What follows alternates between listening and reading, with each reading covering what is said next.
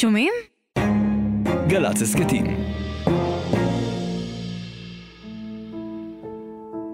התחקיר, הסכת העיתונות החוקרת של גל"צ ושומרים בהגשת רוני זינגר ועמית תומר. לגבי לא מגיעות לך לפה, מבינה מה את עושה פה? כנראה שיש סכנה על החיים שלי, אבל אמרתי לו את המשפט הזה, שמעתי כבר לפני כמה חודשים. שאלתי אותו אם התחדש משהו, אז הוא... אז אני אגיד לך. כן, נכנס איזשהו מידע, שמחפשים אותך. את יודעת יותר- יותר טוב ממני מי מחפש אותך, אני לא צריך להגיד לך, אז אין מה להתאמן פה. כל יציאה ללוד מבחינתי זה אחריותך על החיים שלך בלבד. בסדר?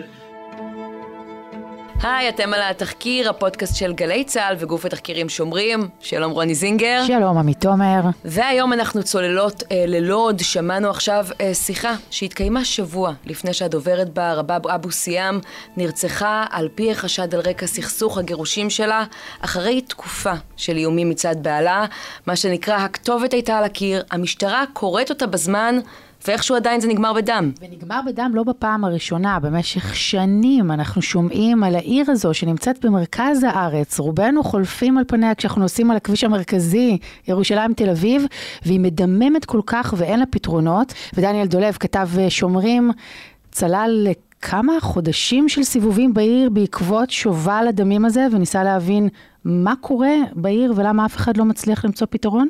אז תכף אנחנו נדבר איתו על זה, אבל קודם כל, הנה על התחקיר שלו ב-60 שניות. עם כמעט 70 רציחות בעשור, שרובם לא פוענחו, לוד היא כנראה העיר המסוכנת והמדממת במדינה.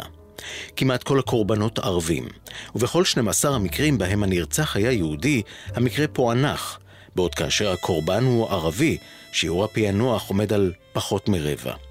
במשטרה סירבו להעביר את רשימת הנרצחים המלאה, ושני מסמכים שהועברו מהמשטרה לבקשת התנועה לחופש המידע העלו מספרים סותרים של אירועי רצח ונרצחים.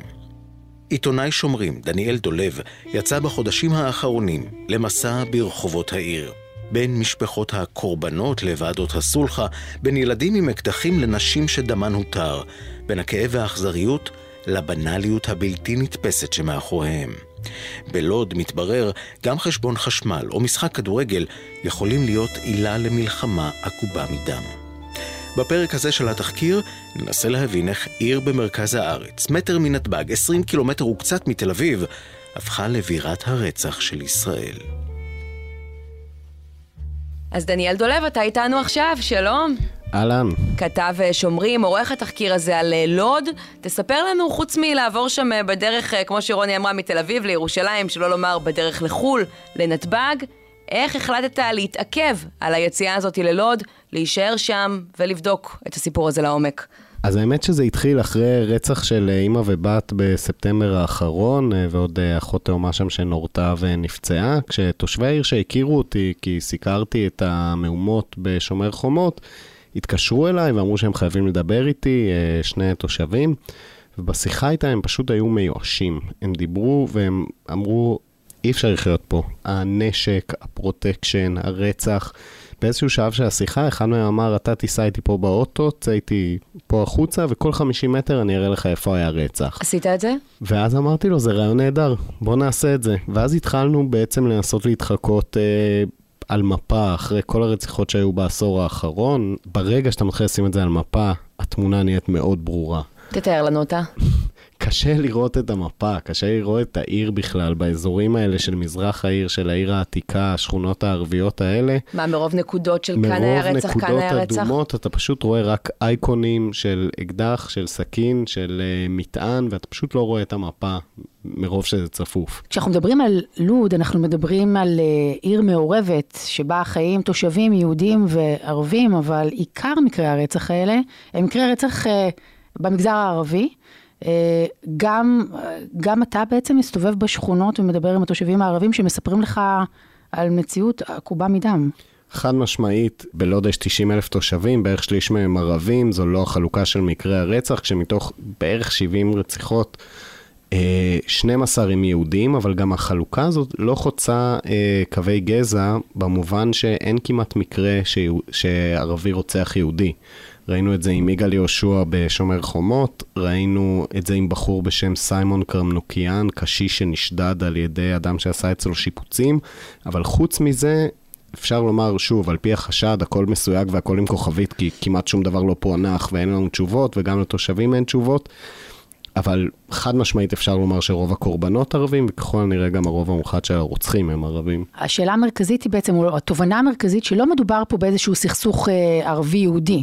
יש פה אירוע פלילי משמעותי שקורה בתוך החברה הערבית שמתגוררת בלוד, ואין לו פתרון. 70 מקרי רצח בעיר אחת בעשור, כשרובם קורים במגזר הערבי. בעיר לא ענקית, וכן, חד משמעית. זאת אומרת, ההתפרצות של האלימות הזאת, אגב, שוב, כש, כשאתה יורד לעומק של זה ואתה מדבר עם תושבים, אתה רואה שכן, אה, הרבה מזה, ואנחנו ניגע בזה בהמשך, הוא חלק מתחושה של ניכור כלפי הממסד, שמקשה למשל המשטרה לעבוד. אה, תחושה של אפליה שבצורה אחת ראינו שהיא התפוצצה בשומר חומות, אבל בדרך כלל הדברים שיוצר את ההזנחה והאפליה ומחנות הפליטים בתוך לוד, כמו שקרא לזה אחד התושבים שדיבר איתנו, בדרך כלל התופעה של זה זה פשוט פשיעה שאין שום שליטה עליה ומתבטאת ברצח. אז אתה יוצא לחקור את השגרה, מה שנקרא, לא את ימי המתיחות והפרעות, כמו שראינו בשומר החומות למשל, אלא מה קורה ביום-יום, וזה ממש לא אומר שקט ושלווה. אתה רואה את אותם אה, אייקונים רבים על המפה, ואז מה? אתה עושה זום אין ואומר, אני רוצה להבין סיפור, סיפור, מי האנשים מאחורי הסטטיסטיקה הזאת? בדיוק. אז קודם כל אתה רואה שיש שמות משפחה שחוזרים על עצמם הרבה. אה, ומתוך זה אתה לומד על התופעה של אה, נקמות אדם. זאת אומרת, למשל, סכסוך בין משפחות אזברגה ואבו סאלוק, שתשעה מהשמות ברשימה הם משתי המשפחות האלה. סכסוך בין משפחת מוסרטי לאל-ווחווח, שחמישה מקרי רצח ממש בשנים האחרונות נבעו ממנו. זאת אומרת, אתה רואה שאין אקראיות, וככל שאתה מפלח את זה יותר, נשים, גברים, אה, שמות משפחה שחוזרים על עצמם, אתה מבין שיש פה תופעות ואתה מתחיל להבין אותן, ו... ומה הם? הם מדברים איתך? כי עם המשטרה פחות מדברים. אה, עיתונאי שמגיע אה, ומסתובב בשכונות ומבקש לדעת קצת יותר על התופעה, מקבל הסברים? אז חלק וחלק, ובאמת אה, מבחינת ההגעה לאנשים זה פחות היה אה, להסתובב באקראי ולראיין אנשים ברחוב אה, כאיזה מין לדחוף להם מיקרופון ומה אתה חושב על הרצח. אתה מתחיל עם באמת שמות שהם יותר מוכרים, שמתראיינים עם פעילים פוליטיים, אנשים בולטים שמתבטאים נגד האלימות, ולאט לאט משיחה לשיחה אתה בסוף, השאלה האחרונה היא תמיד עם מי עוד כדאי לי, עם מי עוד אתה ממליץ לי לדבר. וחלק מהאנשים באמת אה, לא הסכימו לדבר איתי, אבל חלק גם כן, וחלק, אה, והרבה אנשים שגם לא הסכימו אמנם להתראיין ולא מופיעים בכתבה, אבל כן נותנים לך המון רקע וכן מפנים אותך לעוד אנשים. וככה לאט לאט אתה מגדיל את המעגל, וככה למשל גם הגעתי לאמינה אבו סיאם, אימא של רבאב, שנרצחה ביולי האחרון. זה היה סיפור קצת מוכר, אה, שזכה לקצת יותר תעודה בעיניי, כי אוזלת היד של המשטרה שם הייתה מאוד בולטת, אבל השיחה איתה הייתה באמת די uh, עוצרת נשימה. זאת אומרת... Uh... בעיקר כי שם יש חומרים, שמענו קצת קודם, מזמן אמת, שמראים שכולם היו מודעים ואיכשהו עדיין לא היה אפשר למנוע את המקרה הזה. כן, התחושה הזאת שהמשטרה יש לה מודיעין מספיק מדויק בשביל להגיד, את עכשיו יודעת שמחפשים אותך, אנחנו יודעים שמחפשים אותך, לכולנו ברור מי מחפש אותך, אבל הפתרון היחיד שיש לנו להציע לך זה בואי תעברי למקלט, תתנתקי מהילדות שלך, וזה מה יש. אולי כמה מילים על רבאב, רק בת כמה היא? גרושה? כמה ילדים? אז רבאב הייתה בת 30, יש לה, עדיין יש לה שלושה ילדים, אמ, והיא הייתה נשואה בערך עשר שנים. אה, בשנתיים האחרונות אה, היא עברה להתגרר, להתגורר אצל אה, ההורים שלה חזרה, ובעצם התחילה הליך גירושין מבעלה על רקע זה שהיא טענה שהוא התעלל בה. ובאמת היה נראה שהסכסוך הזה איכשהו מתקרב לפתרון. עכשיו, רק כדי שתבינו את רמת האיום, ירו על האוטו של רבאב כשהיא הייתה בתוכו. המשפחה שלה שכרה לה דירה בבאר שבע, כי כמו שאומר אה, שוטר שדיבר איתה, זה המקום הבטוח בשבילה בארץ, ואם היא תחזור ללוד יש סכנה לחיים שלה. אה, אבל בסוף היא חזרה בשביל להיות עם הבנות שלה, ובאמת אה, ביולי האחרון, כשאחת הבנות שלה יושבת לה על הברכיים, כשאימא שלה מטר משם, נכנס אה, מתנקש לחצר של ההורים שלה, ירה במטווח אפס והלך. האימא אמינה אפילו ניסתה לעמוד מולו, להתעמת איתו, אבל הוא פשוט דחף אותה, הוא היה בן אדם, מוזר להשתמש במילה הזאת, אבל מקצוען, עם משימה שרצח את מי שהוא בא לרצוח והלך משם. ועד היום אנחנו גם לא יודעים מי זה היה. ועד היום לא נתפס. אז בואו נצרף אלינו את אה, אמינה אבו סיאם, אימא של אה, רבאב, זיכרונה לברכה. אה, שלום. שלום לך. אמינה, מה את יכולה לספר לנו על אה, רבאב? עד כמה שאני אספר על רבב זה אפילו לא, לא מספיק. רבב הייתה האישה, הבת, האחות, אה, האימא אה, הכי מושלמת, שלא חסר לה כלום. לצערי רבב התחתנה עם בן אדם אלים מאוד, שחוותה אלימות במשך עשר שנים אצלו, ובסוף רצח אותה. רבב הייתה מורה, מחנכת ילדים, תשע שנים, עם תואר שני. היא הייתה לומדת מנהלות, רצתה להיות מנהלת בית ספר, שזה החמיר את המצב בינה לבין בעלה, שהוא לא רצה שהיא תעבוד בכלל. מאז שהתחילה ללמוד קורס מנהלים, הוא אמר לה שלא חסר לך כסף, זה רק כסף. כן, את ידעת על הוויכוחים האלה בזמן אמת, על המתיחות הזאת? אה, בזמנו כן. אה, בשנה האחרונה, בואו נדבר בזמן הקורונה יותר, רבב אה, חוותה את האלימות הכי קשה והאכזרית עם בעלה. היא סיפרה לי על זה הרבה, אבל אני כל הזמן אמרתי לה, כאילו, תעזבי אותו, ו... אבל היא אמרה, אמא, אי אפשר, כאילו, אני, יש לי בנות, יש לי בית, יש לי, אה, יש לי לימודים, יש לי הכל, אני לא יכולה, אני רוצה לתת לו הזדמנות. הטעות היחידה שרבב עשתה אותה בחיים שלה, אבל, זה שפשוט לא התלוננה אף פעם על בעלה, על האכזריות של בעלה ועל האלימות של בעלה. היא כל הזמן אמרה לא, אני לא האישה שמתלוננת על בעלה. הגרוש שלה לא יקבל, והמשפחה שלו לא יקבלו את זה שהוא אה, ייכנס לחקירות או דברים כאלה. כלומר, היא לא התלוננה במשטרה כי היא חששה? הכל. היא? חששה, היא חששה שאם היא תתלונן במשטרה אז הוא יפגע בה? כן, והיא ידעה, כי הוא אמר לה, אם תתלונני, אם תגידי להורים שלך, אם תספרי לי מישהו, אני אזיק לך בכ- בהכי קשה שאפשר. הוא כמה פעמים חנק אותה בבית. כמה פעמים. ואני, והיא לא סיפרה לי, מרוב פחד. אני ראיתי את הסימנים על הגרון שלה, על הגוף שלה. סימני האלימות. אבל היא לא רצתה שאני אדבר, ולא רצתה לי- לדבר. המשטרה איכשהו שומעת על זה וכן אה, בעצם אה, חוקרת גם את אה, רבאב אה, ככה על איומים שהיא קיבלה מצד הגרוש שלה. את אה, יודעת בזמן אמת שהמשטרה מעורבת? כי אנחנו מבינים שרבאב גם אה, הקליטה שיחות עם המשטרה. המשטרה התערבה בסיפור של רבב רק בשנה האחרונה שרבב כבר עזבה את הבית והחליטה להתגרש. היא בהתחלה לא התלוננה, הוא זה שהתלונן והביא משטרה אלינו לבית לקחת את הבנות בכוח שלו. הוא התלונן עליה, שמה? שהוא רוצה את הבנות, והיא ברחה מלוד, ואין לה, אין אימא. כאילו היא לא נמצאת פה לגדל אותם, דברים כאלה. אבל המשטרה באה אלינו לבית אה, בפעם הראשונה שקיבלה מדע מודיעין, זה היה ממש לפני שנה, ואנחנו לא היינו מודעים מי זה מדע מודיעין, על מה אתם מדברים. רבבה הייתה בביקור אצל אחותה בבאר שבע, כי בזמנו אחותה ילדה. אז אה, המשטרה אומרת, אנחנו לא נותנים לכם פרטים עד שאנחנו מוצאים את רבב. אז הם הלכו לשם, לקחו רבב בכוח, ממש בכוח, לחקירה, יומיים. היא הוחזקה יומיים לה- בתחנת המשטרה אחרי הדבר הזה. כן, בסוף אומרים לה, אה, מקלט או בית מוגן. אמרה, לא בית מוגן ולא מקלט. ואמינה, אני עוצרת אותך רגע כי בעצם את האינטראקציה הזאת חצי שנה אה, לפני אה, מותה, לפני רצחה עם המשטרה, רבאב גם מקליטה בזמן אמת, ואני רוצה שנשמע רגע כולנו יחד כן. קטע מהשיחה הזאת. למה את לא רוצה לצאת למקלט? כי אני לא צריכה. מבינה שאנחנו, ברגע שאת לא יוצאת, לא מסכימה לצאת למקלט, אין לנו את האופציה לשמור עליך 24/7. מבינה את זה? כן, אני מבינה. אבל אני לא מבינה למה אתם אומרים שאני נמצאת בסופר סכנה גבוהה והראשונה בדרגה. אנחנו מבינים שיש סכנה ממשית לחיים שלך. במה זה מתבטא? עוקבים אחרייך? זה נראה לך הגיוני? זה לא כבר, זה לא סיפור ירי ראשון? הפעם הירי ממש היה מכוון לרכב שאת היית בו. יותר מזה, את אמרת את זה שחור על גבי לבן, אני ראיתי את המוות בעיניים. נכון? נו, אז זה לא סביב בסכנה גבוהה, את בסופר סכנה גבוהה. אתם אומרים את זה, אבל אני לא מרגישה את את זה. לא חווה את זה ככה? כשאת רואה את המוות מול העיניים, זה לא נקרא להיות בסכנה? באמת, אני מנסה רגע להבין. כשאתה רואה מוות מול העיניים, מה, מה אתה מרגיש? שהכל טוב?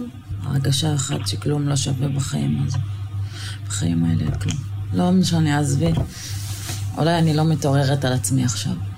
אולי אני לא מתעוררת על עצמי עכשיו, היא אומרת, מתי את שומעת לראשונה את הדברים האלה, את ההקלטה הזאת? האמת, אני שמעתי על זה אחרי הרצח. רק אחרי אה, הרצח. אני לא ידעתי, כן, רק אחרי הרצח מהטלפון שלה. אנחנו לא ידענו שרבה בקליטה. פשוט אה, מצאנו את ההקלטות האלה והיינו עמומים. אם היינו שומעים את ההקלטות האלה ואנחנו מודעים לדבר הזה לפני, היינו לפחות נוקטים בקצת אמצעי זהירות. רבה הסתירה את זה ב- ורק גילתה לאחותה, אמרה לאחותה הגדולה שהמשטרה קיבלה מדע על החיים שלי ואני מאוד מפחדת, אבל אני רוצה לעשות כמה סידורים, לקחת את הבנות ולעוף מלוד.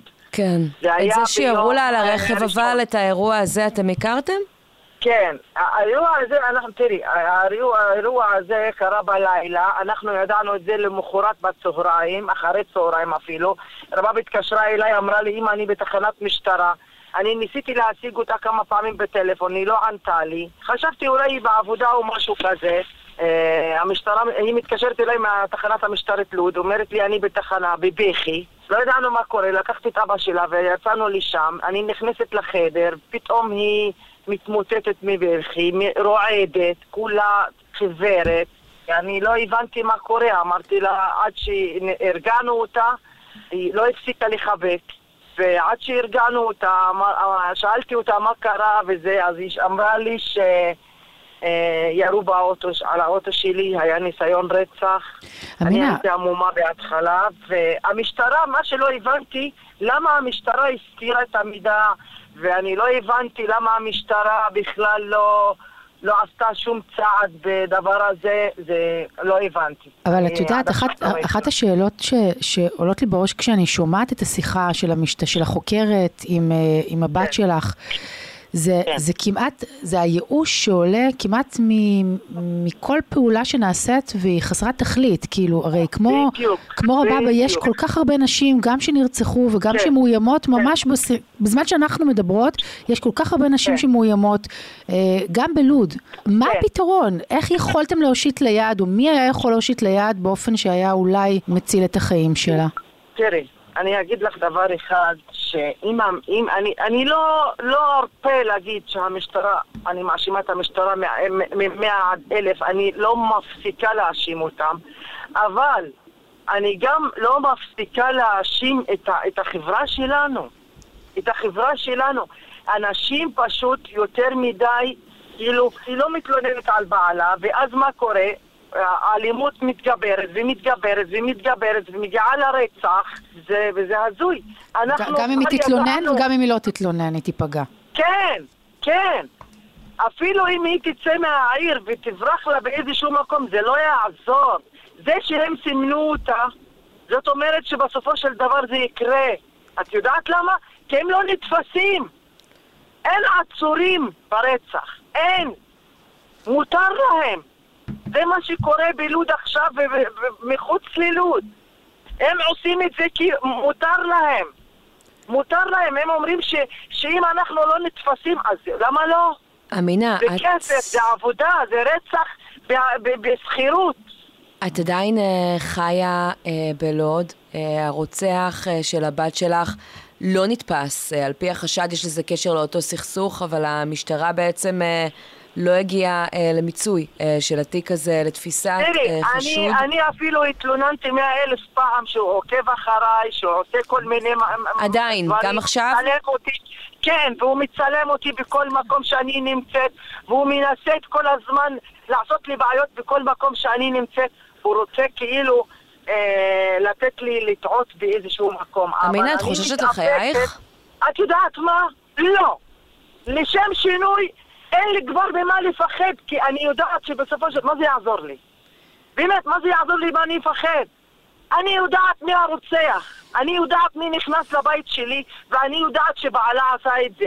לא משנה לי מה אנשים יגידו, ולא משנה לי שהמשטרה תגיד אין ראיות, הרי יוסי, ש- שהבעל שלה שלח לה הודעה יום לפני הרצח, אמר לה, זה הולך לקרות בקרוב, והוא מחק אותה. הוא מחק אותה. הוא, הוא, התעלל בה בטלפון כל הזמן, שולח לה איומים. איך שהוא רואה שהיא פותחת את ההודעה, הוא מוחק אותה. אז אמינה, את אומרת?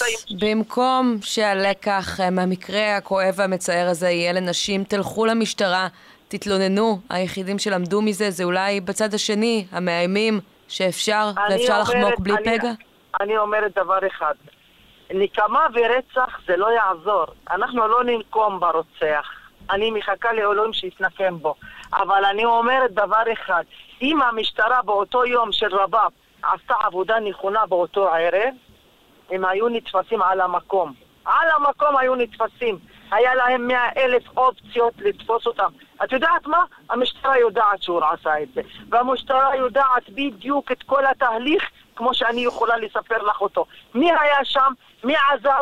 מי נהג באוטו? מי שרף באוטו? מי נכנס אליי לבית? הכל ידוע לנו, כמו ספר פתוח. כן, אנחנו מחויבים על פי החוק לומר שאין- לכאורה, כן, אבל זה אבל אני מבינה את התחושה שלך. היום, האולפנים, זה שטויות במיץ עגבניות, זה שטויות. אמינה אבו. סיאם, אימא של רבאב אבו סיאם, איזשהו מסר שאת רוצה להעביר לסיום? אני רוצה שהמשטרה תעשה צדק לבת שלי, וזה יהיה לקח לאחרים. אמינה, תודה רבה לך על עצמך. הדברים החשובים האלה. תודה לך. מה אומרים אחרי שאנחנו שומעים דברים כאלה, שיחה כזאת? אנחנו נמצאים בתקופה שבה אנחנו מדברים באופן כללי על הפשיעה הגואה במגזר הערבי, כשהחלשות ביותר הן אותן נשים שמשלמות את המחיר של ארגוני הפשיעה. בעבר דיברנו על רצח על כבוד המשפחה, הביטוי הנאלח והבלתי נסבל הזה, כי אין פה שום כבוד ושום משפחה, יש פה ארגוני פשיעה שמחזיקים הרבה מאוד נשק, ויודעים לעשות את מה שהם יודעים לעשות, אה, לאיים על החלשות. ובלוד הרגשת את זה אולי יותר מבכל מקום אחר. אז כן, כי באמת, אה, ו- ודווקא בזווית הזאת של רצח נשים, אה, אנחנו רואים את רבאב, אנחנו רואים את דואר אבו שרח, שהייתה חברה שלה ונרצחה שש שנים לפני כן. שתיהן היו בסכסוך גירושין, ולפעמים, אה, כמו שאמרה לי אחת המרואיינות בכתבה, זה פשוט אה, דרך לגמור בזול סכסוך גירושין כזה, בלי להתחלק ברכוש, בלי, בלי להתפשר על משפט. שום דבר, בלי... אה, מחיר של חיי אדם, זול. והמחיר, אה, כשבדרך כלל אה, נגבה על אה, לקיחת חיי אדם, של אה, לשבת אה, חיים שלמים בכלא, פה הסיכוי שהרוצח ישלם אותו הוא מאוד מאוד נמוך. עכשיו אני אומר במקרה הזה, וגם במקרה של דואה, הרוצח לא נתפס, אה, לפי עורכת הדין של אה, בעלה של אה, רבאב, גם התיק נגדו נסגר, למרות שהיא לא הסכימה להציג את, סגיר, את המסמך, אבל אני אומר שוב, אנחנו רואים את הנתונים, הרוצחים לא נתפסים, אף אחד לא משלם. זאת אומרת, אם אנחנו רואים ש-20% ממקרי הרצח מפוענחים, אז אנשים השתמשו ברצח ככלי לפתור סכסוכים, לא רק סכסוכי גירושין. אני רוצה לדבר איתך קצת על, אה, על העיר עצמה, כי הסתובבת בה הרבה מאוד אה, במסגרת העבודה על התחקיר הזה. אני מכירה את לוד הרבה מאוד שנים, גם כי אני גרה לא רחוק משם וגם... כי ככתבת פלילים הסתובבתי שם, באמת, אה, הפשיעה גואה שם שנים ארוכות. ואני חושבת שאחד הדברים הכואבים ביותר ש, שרואים בעיניים, זה את ההזנחה. כן, אתה מסתובב בעיר העתיקה, הכל שבור, הכל אה, אה, אה, באמת לא מטופל בעיקר באזורים של השכונות הערביות. כן, בקרימינולוגיה תמיד מדברים על זה שיש תיאוריית החלונות השבורים, איפה שאין תאורה והחלונות שבורים, יש גם יותר פשיעה.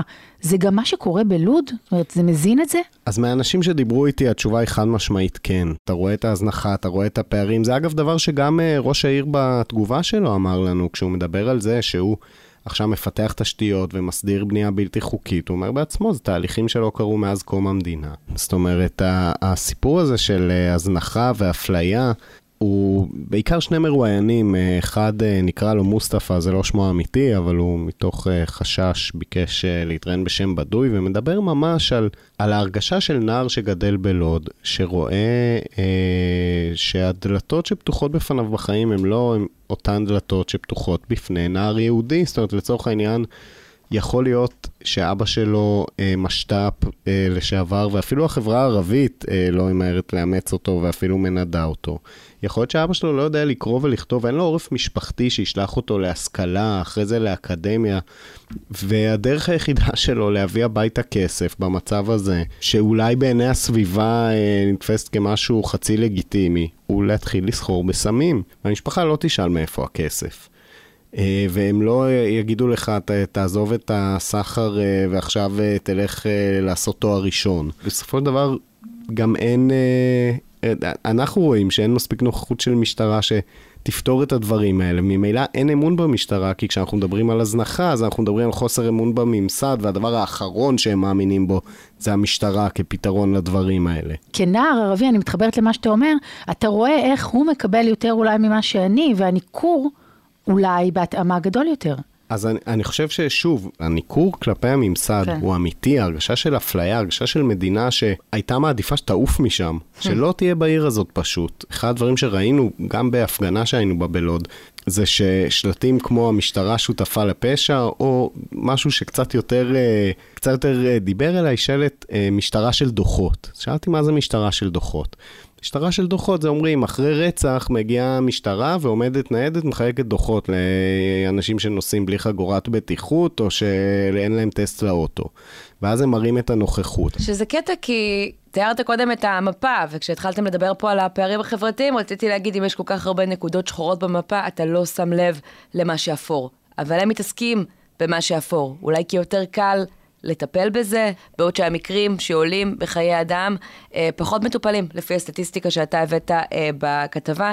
אז אנחנו רוצים לדבר על כל הגוונים של הפלטה הזאת עם רסן מונייר, פעיל חברתי ופוליטי בעיר לוד. שלום אה, רסן. שלום, שלום. אתה אה, תושב אה, לוד, נכון? נכון. תספר לנו ככה על המתח שמורגש ברחובות, המתח שלפעמים מוביל להתלקחויות שעולות גם בחיים. לוד אה, היא עיר אה, אה, שחיים בה היום כ-30 אלף מתוך אה, כמעט 85, כמעט אה, 30 אחוז מהאוכלוסייה. אה, החיים ברמה סוציו-אקונומית מאוד מאוד מאוד נמוכה, נמוכה הרבה יותר מהשכנים היהודים שלהם. המדינה והעירייה אה, משקיעה ומפתחת לאורך אה, שנים, מאז הנכבה ב-48' עד היום, רק אה, אה, לאוכלוסייה היהודית, באופן כזה שהאוכלוסייה הערבית כל הזמן רואה שהאחרים בונים להם, מפתחים להם, משפרים להם, אספלט, מדרכות, בתי ספר, אה, אה, קניונים, מרפאות, והם חיים אה, בשוליים, וזה יוצר המון אה, קנאה והמון כעס והמון הרגשה של אה, אה, אפליה זה דבר מאוד קשה, זה אחד הדברים המאוד קשים. איך זה פוגע בהזדמנויות של הערבים אה, בעיר לוד, חוץ מלא שאני מזלזלת בזה, רחובות אה, מלוכלכים, פחות שירותים שהעירייה נותנת. אני שנייה לא מסתכלת על הסיפור הפלילי ודווקא מעניין אותי בפריזמה האזרחית. איפה אתה מרגיש שהאפליה הזאת מתגלגלת גם הלאה? השכונות הערביות, כמעט רובם, כאלה שלא היו, אה, אה, שלא נמצאות במרכז העיר, כי מרכז העיר עוד לפני שהיהודים הגיעו, אבל השכונות הערביות שהתפתחו מסביב לעיר, אין בהן תשתיות. יש בלוד כשלושת אלפים בתים שהם מוגדרים ללא היתר.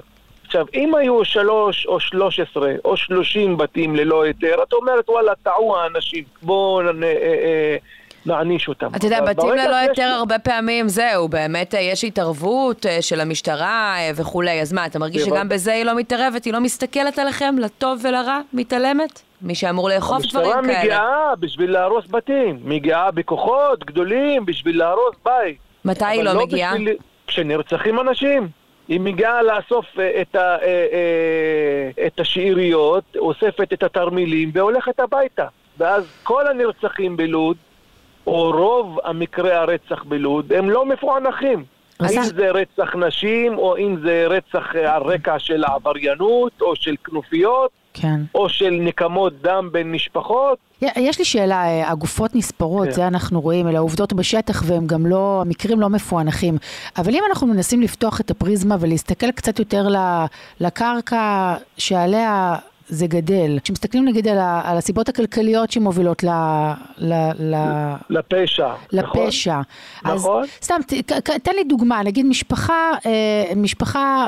שמתגוררת בשכונה ערבית ורוצה לקחת הלוואה, אה, או סניפי בנק, ממי היא לוקחת הלוואה? איך, אם אני רוצה לבנות רוב, משהו, רוב, לקח- רוב הבעיות, או רוב המקרה, המקרים של אלימות או ירי בין כנופיות, זה לרוב על רקע של אה, אה, כסף והלוואות בשוק האפור, אבל למה אני אלך מכיוון- לשוק האפור ולא אלך לבנק? כי הבנק לא נותן לערבים הלוואות. למה? כי כשאת מרוויחה חמש אלף או שבע אלף ויש לך ארבעה ילדים ואת חיה בשכירות, אז הבנק עושה את הניהול סיכונים שלו ולא נותן לך הלוואה. או את מסובכת עם הבנק, או יש לך צ'קים שחזרו, או יש לך צ'ק, כרטיסי אשראי או אני אוסיף, אם אתה גר ב... למשל, דיברת על אה, בתים לא חוקיים, זה משהו נכון. שאי אפשר למשכן ואי אפשר לקבל כנגדו הלוואה. נכון, כל הקושי שאתה מתאר, גם ההזנחה איך? ברחובות, גם הקושי הכלכלי, זה אולי חלק ממה שלדעתך מוביל ליותר אלימות באזור שם, במגזר תקשיבי, הערבי? ברגע שאת, מק- ברגע שאת קונה ממני כסף, את קונה ממני 10 שקל ב-15 שקל, כי הבנק לא, לא ייתן לך, ואז את הולכת, את מלווה בריבית. אז את צריכה להחזיר. וכשאנשים לא מחזירים, מתחיל פה העניין של אה, יריות. אזהרה, איומים על המשפחה, ואז אם מישהו מהמשפחה שלך בפועל נפ- נפגע, אז זה כבר מתחיל נקמת דם, ואז את מחזירה. זה פשוט, זה מעניק זה כוח ידוע. נוסף, מעניק כוח נוסף לארגוני פשיעה שמתבססים בתור מי ש... בתור הבנקים האלטרנטיביים, כי, כי, כן. כי אין לי מאיפה לקחת מה, כסף. העובדה ידועה. והסטטיסטיקה הזאת שדניאל. מביא בכתבה שלו, 100% פענוח של המקרים הפליליים ליהודים, אה, נכון, כ-20% בלבד נכון. לערבים. האם זה לדעתך נטו בגלל התעלמות וחוסר רצון של המשטרה לאכוף, או שאולי גם ארגוני הפשיעה הערבים, אה, הוותיקים שם באזור, מתוחכמים יותר? לא, לא, לא, הם ממש לא מתוחכמים, כי, כי, כי, כי אותו בן, אה, אה, בן כנופיה או חבר בכנופיה, כשיורה אה, על יהודי הוא נתפס, ואם הוא יורה על ערבי ורוצח אותו, הוא לא נתפס. אז זה לא מקרה. זה לא, זה לא, זה לא סתם, זה לא מקרה. את צריכה להבין, יש פה מסר שעובר בין השורות, מסר כאילו, אם אתה ערבי יקר, במרכאות כפולות, יורה על האח שלך או על השכן שלך הערבי, ב-90% אתה לא תיתפס. אבל אם אתה, אוי ואבוי, יורה על יהודי, אתה תיתפס. למה? כי כשהמערכת, או בוא נגיד הארגון הזה שקוראים לו משטרה, רואה בי כאויב ומסתכל עליי כעל אויב, למרות שאני אזרח והוא אמור לתת לי שירותים כאזרח, אבל אם הוא רואה אותי כאויב, למה, למה לא לתת לי שירות? למה לא להתאמץ? כן. איך שפעם אחד אמר לי, בשבילנו שהערבים בשכונות שלהם יהרגו אחד את השני. למה? וואו, מי אמר לך, אין לנו מהמשטרה? לא, עזבי, בלי להזכיר שמות. לא שמות, למה תפקיד. לי, אני אזרח, אתם לא רוצים להיות שוטרים בשבילי או לתת לי אה, שיטור או שירות? תנו לי להקים משטרה. אתם מוכנים? לא. אני לא בטוחה שזה התרחיש שיגמר אה, הכי טוב, אבל אה, אין ספק שמשהו צריך אה, לעשות, עם זה נראה לי שכולנו מסכימים. לנו אין משטרה אחרת, יש רק משטרה אחת. עם כל הצער שבעניין, בדבר הזה, אני, אני, אני אומר, יש בארץ משטרה אחת. משטרה אחת העובדה. שצריכה לטפל בכולם. נכון. רסן מונייר, פעיל חברתי ופוליטי בעיר לוד, תודה רבה לך על הדברים האלה. תודה. ודניאל, הדברים האלה שרסן מתאר מובילים גם ליותר אה, פשיעה וליותר הזנחה, וגם ללא מעט קורבנות שהם חפים מפשע, שאין להם שום קשר לסכסוך, מין קורבנות לוואי, ויש תופעה בעיר שנקראת מאוג'ה. מה זה מאוג'ה? אז מאוג'ה אה, זה מגיע מהמילה וואג'ה, אה, כאב בערבית, איזה מבטא. ובסוף הרעיון הוא לא לפגוע במי שמעורב ישירות, בין אם כי אתה לא יכול להגיע אליו, ובין אם כי אותו עבריין שרוצה לפגוע, מבין שזה יהיה הדבר הכי אפקטיבי. לצורך העניין זה יכול להיות מישהו שיש לו חוב, ואתה לא תפגע בו, כי אם תהרוג אותו, אתה לא תקבל את הכסף חזרה, אבל אתה יכול לירות על מישהו מהמשפחה שלו, ועדיף שזה יהיה מישהו שהוא מוצלח, שהוא עם פרופיל ציבורי גבוה, שהוא מוכר אולי. אה, ודבר... המקרה הכי, הכי עצוב וידוע זה אותו נער אה, מוצלח שהיה באמת אה, מוביל בתחומו, נכון? אז זה, זה באמת. המקרה של אה, אנס אל-וחואח, שהיה בן 18, נורא. ובאמת, אין לי איך להגדיר אותו חוץ מנער זהב, ילד פלא, בן אדם שזכה לאות מקרן רמון על אה, תוכנית מנהיגות צעירה, התנדב במד"א, אפילו בזמן שהוא נרצח הוא ליווה את אימא שלו לקניות. ב- באמת, כאילו, אי אפשר להימלט מזה, הכדור יתפוס אותך, בין אם עשית משהו, בין אם אתה חייב כסף, בין אם uh, את רוצה להתגרש מבעלך, ובין אם את פשוט, uh, או אתה חלק ממשפחה שהסתכסכה לפעמים על שטויות. לפעמים מספיק שיהיה לך את שם המשפחה הלא נכון, ואתה, ויש לך מטרה על הגב. אז תכף נדבר עם גורם מטעם המשטרה, מי שהיה מפקד אה, מרחב שפלה והיום מייעץ מה לעשות עם הסיפור המדמם הזה של העיר לוד, אבל קודם כל אולי כמה צלילים אה, מתוך השיר אה, אחרק ג'ורג'. דניאל, אתה רוצה לספר ככה למי שפחות מבין את השפה, מה אנחנו עומדים לשמוע? כן, השיר אחרק ג'ורג', אה, תשרוף ג'ורג' של אה, הראפר תאמר נפאר, אה, חלק מהסרט ג'אנקשן 48, בעצם הוא מספר על מה שקורה בתחנת סמים בלוד בזמן פשיטה, אחרק ג'ורג', תשרוף ג'ורג', זה קריאה שברגע שמבינים שהשוטרים מגיעים צריך לשרוף את הסמים, את הראיות, ואני מאוד אוהב את השיר הזה. אז יאללה, נקשיב.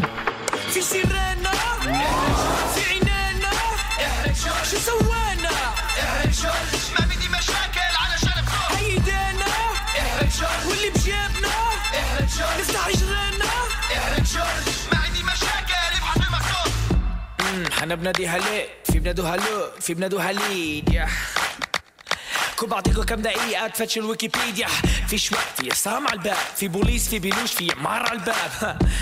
تمن سكك حديد 300 على الباب أيوه 12 ثانية بني. ترن ترن في شي دخل غير عنا. 10 ولاد عنا ماتوا هين عنا. نشكي وين الحكومة؟ هين مش إلنا 8000 ونص نسمة محشورين في حارة أتقص عقرب النص عايش على البيتوة خش في طيزي قبل ما تقول لي خش المدرسة. أصلا فوت المدرسة. هل شفت شي مكتبة؟ حطوا محلة محطة بوليس عنا العلم ونور بالسيرين مهزلة أمي تلبسني شمدح والبوليس يلبسني تيك. حل يجي في سيرينا في عينينا شو سوينا שלום לתת ניצב בדימוס מוטי אדרי, היית מפקד מרחב שפלה לשעבר והיום, אתה עדיין בלוד, אבל כיועץ ביטחוני מיוחד, אה, מסייע לעירייה בגיבוש תפיסת הפעלה לטיפול בפשיעה ואלימות בחברה הערבית ובכלל בעיר. אכן, התחלתי פגישה ראשונה, למעשה אני אמור להתחיל אה, במהלך השבוע הקרוב להיכנס בצורה הרבה יותר מסיבית לאירוע. אה, זה תפקיד חדש. חדש חדש. מברוק, נו, אולי כן. הוא יביא את השקט לעיר לוד. אולי. אתה יודע, זו המטרה? אנחנו... להביא את השקט לעיר לוד? כי כרגע שמענו שיש שם פערים מאוד גדולים באיך אוכפים מקרים שבהם אה, נרצחים יהודים למקרים שבהם הקורבן הוא ערבי. טוב, את הגישה הזאת אני לא מקבל, אף פעם לא קיבלתי וגם כרגע אני לא אקבל את זה, למרות שאני כבר שנתיים מחוץ למערכת. אה, אני חושב שההשקעה באירועי רצח היא...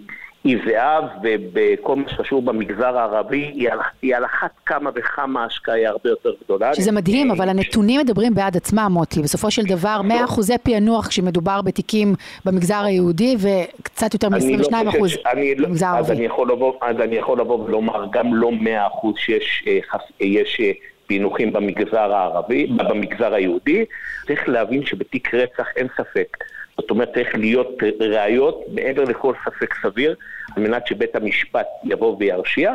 כן. לכם כן, אבל, אבל מה ההסבר שלך לנתונים? אני באמת מנסה להבין, כי, כי יש פער, גם אם זה 95% מול 25%, הוא פער אני... uh, גדול. אתה מגיע עכשיו לתפקיד, ואני באמת רוצה לשאול אותך, איך ואני... אפשר לשנות את התמונה הזאת, לצמצם את המקרים הכואבים האלה, כי בסוף תסכים איתי שאף אחד מאיתנו לא רוצה לראות דם נשפך. אז א', אני רוצה לבוא ולהרגיע את הציבור בדבר אחד שאני מאוד מאוד מכיר מבחינת היחידות כמו להב, כמו יחידות ימ"רים, יחידות מחוזיות, בכלל תחנות משטרה, אין אירוע שהוא מתחת לרדאר. כל אירוע יש בו השקעה.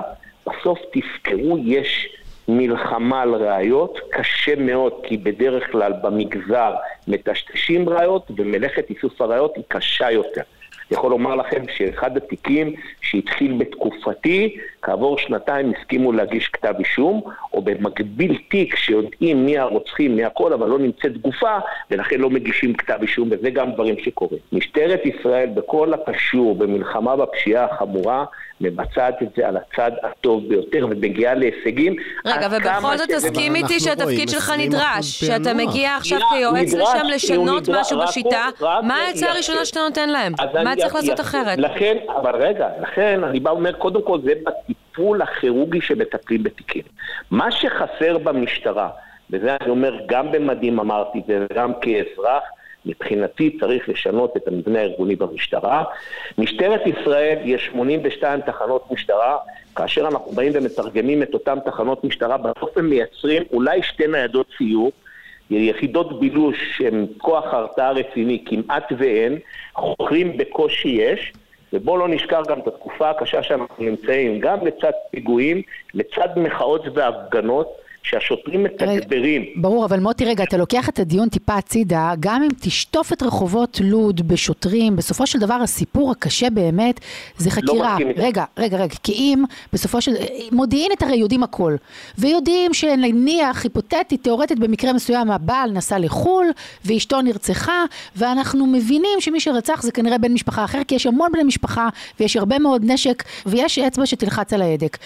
השאלה היא מה מודיעינית המשטרה צריכה לדעת לעשות נחור או חקירתית, אולי אומר- תוכניות אחרות לעדי מדינה כדי שאנשים יעיזו להגיע ולשבת אני- במשטרה ולדבר. קודם כל, גם פה המשטרה עשתה קפיצת מדרגה וזה התחיל בפרשיית 512, שגם הסיפור הזה של חתימה עם הסכמי עד מדינה. כן, אבל זה ארגוני פשיעה, זה סיפור.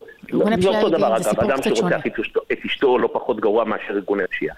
זה לא פחות גרוע, ולכן אני בא ואומר, גם המדינה, אני מדבר על פרקליטות, גם המשטרה, עשו את עליית המדרגה. איפה שאני חושב שצריך לבוא ולהשפיע, ואני חושב שפה אני אצטרך לתת את ה-say שלי, ואני גם בא ואומר, חלק מהפענוחים היו לנו באמצעות אמצעים טכנולוגיים ומצלמות במרחב הציבורי. פה נצטרך להשקיע ולראות שבאמת יש את האמצעים הנכונים. הדבר השני, זה ליצור מצב של כוח שיבוא ויבצע ככוח הרתעה. עכשיו, מכיוון שאני רואה מה קורה בארגון, ואני שומע שרוצים להקים משמר לאומי, משהו שאני לא כל כך אוהב, ואני אסביר למה אני מתכוון. אוקיי. מבחינתי מג"ב הוא כוח עתודה נכון לגיוס למשטרת ישראל, כי כל מחזור משתחררים הרבה אנשי מג"ב, ולדעתי צריכים לעשות אבל את מעשה תסכים איתי גנות. שהמטרה של המשמר הלאומי זה לא אה, לדאוג לסכסוכים בתוך החברה הערבית, סכסוכים אני פנימיים? קורא לזה מג"ב, אני אסביר למה אני... אני לא רוצה לעשות הפרדה בין העולם הזה שנקרא משמר לאומי סלש מג"ב לבין משטרת ישראל. מבחינתי חד הם. זה פשוט עלול להגדיל שה- את הפערים בין המגזרים השונים פה. לא, לא, לא. במג"ב משתחררים בכל מחזור גיוס בערך בין 300 ל-400 איש. בסוף ליצור כוח, שהכוח הזה צריך להיות כוח הרתעה שיסתובב ברחובות. גם בשכונות הערביות, אתה יודע, גם היום יש הרבה, יש משמר קהילתי מצוין שפועל בשכונות היהודיות בלוד, אבל בשכונות הערביות אומרים, אה, שהם גם שומעים לפעמים שוטרים שאומרים להם, תראו אחד בשני, השירות שאתם, אה, הם אומרים לנו, השירות זה- זה שאנחנו המסר מקבלים, שהם מקבלים. בדיוק, המסר שהם מקבלים זה השירות של המשטרה, הוא עבור השכונות היהודיות, תראו אתם ביניכם לבין עצמכם. אז המסר שאני מכיר כל כך הרבה שנים, שהמשטרה לא נרתעת להיכנס לכל מקום, כמובן שלפעמים אנחנו צריכים להיכנס למקום עם אמצעים נכונים, ולא פעם נתקענו גם באזור רמלה וגם באזור לוד, שנכנסים ויורים לידינו. כמובן צריך שייכנס הכוח המתאים. אני בא ואומר, כדי ליצור את כוח ההרתעה, כדי שיהיה זמינות של ניידות שהן לא קיימות היום, גם לאור כל האירועים כי המשטרה נמתחת, צריך לחשוב בצורה אחרת. א', ליצור מצב שמג"בניקים יעברו לכחולה ולגייס מג"בניקים מהסדיר ואפילו לקצר את הפז"ם שלהם בתקופה הזאת, בדיוק כמו שעשה גנות כשהקימו את עוטף ירושלים, קיצרו פז"ם ללוחמים במג"ב שלושה חודשים לפני, גייסו אותם לקבע ופשוט העמיסו את ה... את העוטף בלוחמי מג"ב, זה אחד. שתיים, צריך לחשוב היום בצורה אחרת, איך מקימים יחידת ביטחון עם סמכויות של מאבטחים בעולם האזרחי ולהתייחס למקומות האלה כאילו כמתקנים ביטחוניים על מנת לאבטח את האזרחים, על מנת כן. שיהיה נוכחות. בסופו של דבר אתה מדבר מצב- מבחינת כל המהלכים האלה על הגברת הנוכחות, על הגברת האכיפה ברחובות לוד ולא רק. ואני כן רוצה לסיום לשאול אותך עם יד על הלב, האם אתה מרגיש שזה יעזור לכל המגזרים בעיר, או שיש אכיפה אה, סלקטיבית? גם אם הפערים הם לא של 80 אחוז, יש פער באיך שמטפלים אני ביהודים לא- בעיר אני לבין לא- הערבים בעיר. לא מסכים עם האמירה הזאת בעליל, ואין אכיפה לא בררנית ולא סלקטיבית, ומבחינתנו, במקום שאנחנו יודעים, משטרה בכל אופן, שיש, יוצאים משם עבריינים, משטרה נוכחת שם. ואם נדבר עוד אחד- שנה מהיום, אחרי שהצוות שאתה ככה אה, מייעץ לו אה, ישלים את אה, עבודתו, ישנה קצת אולי את מה שאנחנו מכירים בעיר לוד, בכמה אתה חושב שנוכל לצמצם את מספר הרציחות במגזר הערבי ובכמה נעלה את כמות האכיפה? מכיוון שנבואה נועדה לשוטים, ואני כרגע לא רוצה להיות שוטה, אז אה, אני בא ואומר, אני אעשה את המקסימום ואת המאה אחוז, על מנת לבוא ולהגביר את הנוכחות כדי שאנשים ירגישו בטוחים, ולנסות כמה שיותר להשפיע, ואני יכול להגיד לך בצורה מאוד פשוטה, משטרה ממשיכה לטפל בתיקים והיא עושה את זה טוב לאורך הרבה שנים ואני גאה במה שהיא עושה. אז אנחנו... הבעיה שלי במשטרה זה הנוכחות ועל זה אני הולך לשים את המשקל. נאחל לך הרבה מאוד uh, בהצלחה, ובאמת נקווה שתדאגו לכולם. תנ"צ בדימוץ מוטי אדראי, מפקד uh, מרחב שפלה לשעבר, תודה רבה לך על השיחה הזאת. תודה לכם. דניאל, שמענו את כל הצדדים. מילות סיכום שלך? אה, לא יודע, אני, אני מודה שאני מתקשה קצת לגייס אופטימיות. אה, אני הייתי רוצה לקוות אולי אה, שחלק מלפחות ממה שיעשה יהיה דומה למה שאמר לי מפקד מרחב שפלה לשעבר יפרח דוקובני בכתבה, ששם את הדגש על, שיפ... על שיטור קהילתי כמפתח ליצירת אמון, כמפתח ליצירת קהילה שיודעת שהשוטרים באמת עובדים בשבילה ובאמת נמצאים שם החל מכשמשהו קטן קורה ברחוב ועד רצח. בסוף בעיניי, אם מדברים על חוסר שיתוף פעולה, הנה דרך ליצור גם שיתוף פעולה, כשאנשים מאמינים שהמשטרה באמת עובדת בשבילם ובאה לתת להם שירות.